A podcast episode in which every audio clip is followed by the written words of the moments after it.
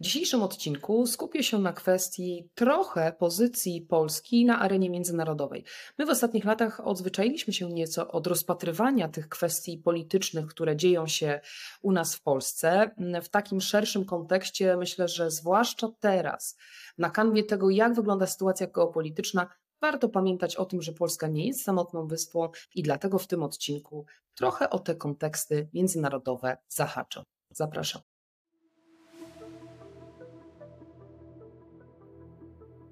Witam Was w krótszej formule mojego podcastu. Bridge 460 to około 10-minutowe odcinki, w których wybieram dla Was jedno najważniejsze polityczne wydarzenie tygodnia i omawiam jego krótko i długoterminowe konsekwencje.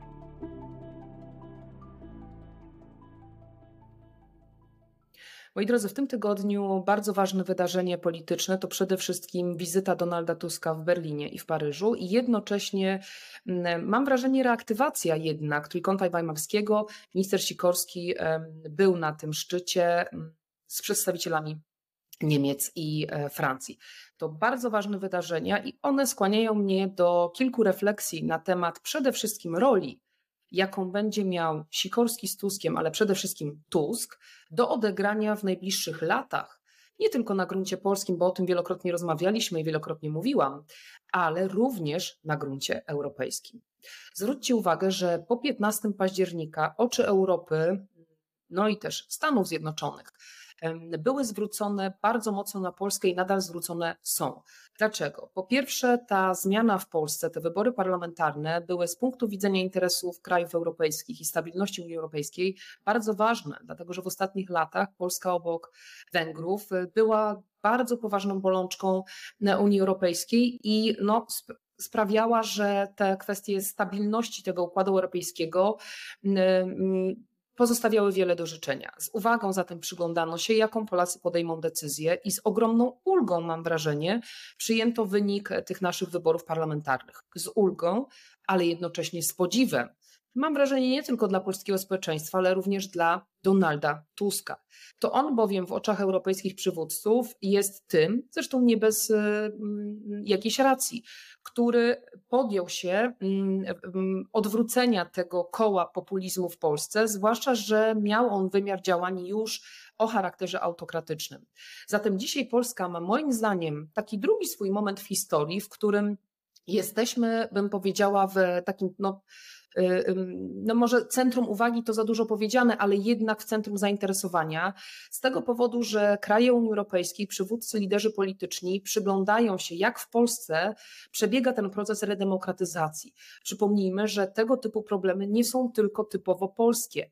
W wielu krajach liderzy polityczni mierzą się ze zwiększonym, bym powiedziała, potencjałem politycznym, zwłaszcza prawicowych e, ruchów populistycznych, prawicowych partii populistycznych. Zatem dzisiaj Tusk wyrasta na polityka, który rzeczywiście znalazł sposób na to, jak sobie z populizmem poradzić i wielu, e, jakby mam wrażenie, że to wzmocniło jeszcze jego i tak bardzo dobrą pozycję w Unii Europejskiej. To z punktu widzenia Polski i polskiego interesu, polskiej racji stanu jest oczywiście informacja bardzo dobra. Dlatego, że nie wiem, czy zwróciliście uwagę, ale i w Berlinie, i w Paryżu Tusk był witany teraz niemal entuzjastycznie. Zresztą podobne reakcje obserwowałam pewnie wy także po, jego, podczas jego pierwszych wizyt po objęciu po objęciu urzędu. Dzieje się tak dlatego, że dzisiaj on jest postrzegany nie tylko jako taki najbardziej e, umocowany, wpływowy polityk Unii Europejskiej, ale między innymi dlatego, że zdołał zrobić to, na gruncie polskim, o czym wielu polityków w Unii Europejskiej marzy, czyli pokonał czy, czy przerwał taki ciąg e, wydarzeń politycznych e, bardzo niekorzystnych, zwłaszcza w tym kontekście geopolitycznym, w jakim my dzisiaj jesteśmy, a nie jest on taki prosty. Oczy liderów europejskich patrzą z podziwem na Donalda Tuska i mam wrażenie, mają też spore nadzieje na to, co on może wnieść do tej jednak poturbowanej trochę dzisiaj Unii.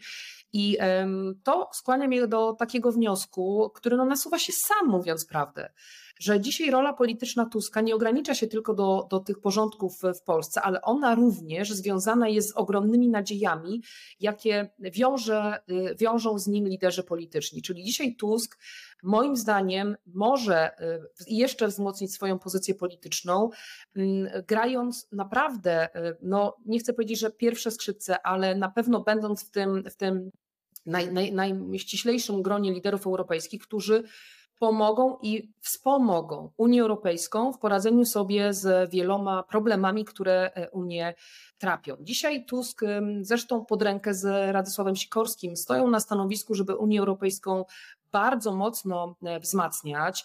Mimo, że kilkadziesiąt lat temu Unia Europejska podjęła decyzję, żeby być bardziej strukturą gospodarczą, wydaje się, że dzisiaj Tusk, Sikorski stają się takimi liderami tego, żeby jednak z politycznymi swoimi współpracownikami na gruncie europejskim budować również ten potencjał militarny, co w kontekście wydarzeń na wschodzie i takim bardzo ożywionym imperialistycznym zapędom Władimira Putina jest oczywiście pomysłem bardzo dobrym. Zatem być może widzimy mm, mm, sytuację, w której mm, Donald Tusk staje się takim łącznikiem kwestii politycznych na gruncie Unii Europejskiej e, właśnie w zakresie ogromnego jednoczenia liderów politycznych, jeśli chodzi o spojrzenie na Rosję i jej i ewentualne e, wyzwania, które ona w najbliższych latach będzie Unii Europejskiej fundować.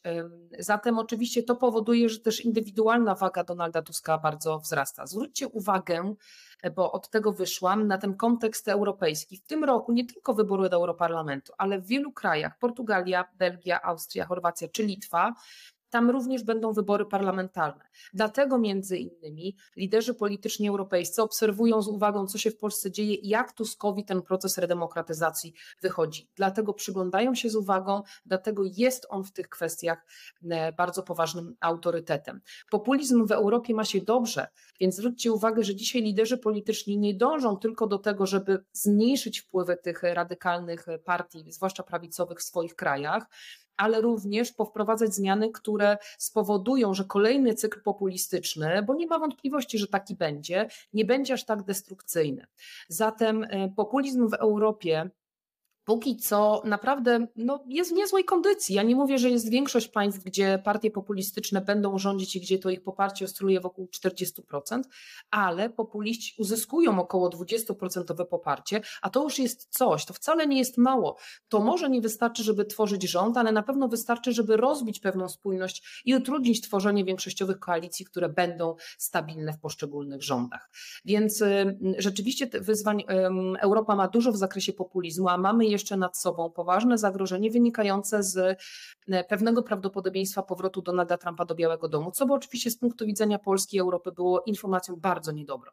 Zatem zwróćcie uwagę, nie wiem czy się zgadzacie, piszcie, mm, że e, to wszystko, co widzieliśmy w tym tygodniu w perspektywie krótkoterminowej jest oczywiście bardzo istotne, bo to nam e, jakby to, co Polska, jak Polska wchodzi dosyć szybko do tego ścisłego grona mocnych graczy Unii Europejskiej, to oczywiście krótkoterminowo będzie miało poważne znaczenie, bo jednak dzisiaj zależy nam na tym, żeby Unia Europejska, żeby Zachód był bardzo zjednoczony, więc Tusk wykorzystuje swój moment, tą swoją mocną pozycję polityczną do tego, żeby tutaj e, zagrać tym. Uważam, że to jest bardzo dobrze e, z punktu widzenia i Polski, i Europy. No a oczywiście w perspektywie długoterminowej to już w ogóle, jeżeli tylko uda się utrzymać tą współpracę, a jak mówię, na razie politycy reagują e, dosyć, bym powiedziała, entuzjastycznie na, na odnowienie pewnego rodzaju współpracy, również e, czy w ramach Trójkąta Weimarskiego, czy bilateralnych. To jest oczywiście dobra informacja. Zatem w długoterminowej perspektywie, gdyby Polska utrzymała taką inicjatywę, no to w ogóle byłaby, e, byłoby naprawdę bardzo dobrze, bo tego dzisiaj potrzebujemy my, Polska, nasze społeczeństwo i wzmocnienie naszej pozycji w Unii Europejskiej dla, że tak powiem, partykularnych interesów, ale dzisiaj też takiej konsekwencji, pomysłu, spójności i odwagi potrzebuje też Unia Europejska. Czy polscy liderzy polityczni odegrają tu dużą rolę? Moim zdaniem tak. Jestem ciekawa Waszej perspektywy, oczywiście zachęcam, piszcie z dużą e, ochotą i ciekawością Wasze e, komentarze e, czytam. Zatem zachęcam, dyskutujcie.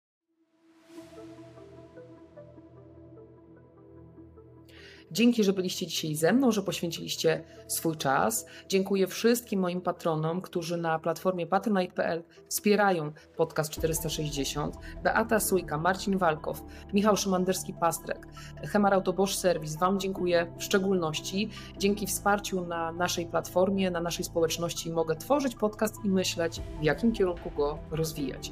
Jeśli podoba Wam się kanał, subskrybujcie, zawsze jest to dla mnie bardzo, e, bardzo miłe. Zapraszam Was już na kolejny odcinek Bliv 460 w kolejną sobotę, natomiast w najbliższą środę e, zapraszam, będzie premierowy kolejny odcinek rozmów podcast 460 też z ciekawym gościem. Do usłyszenia, do zobaczenia.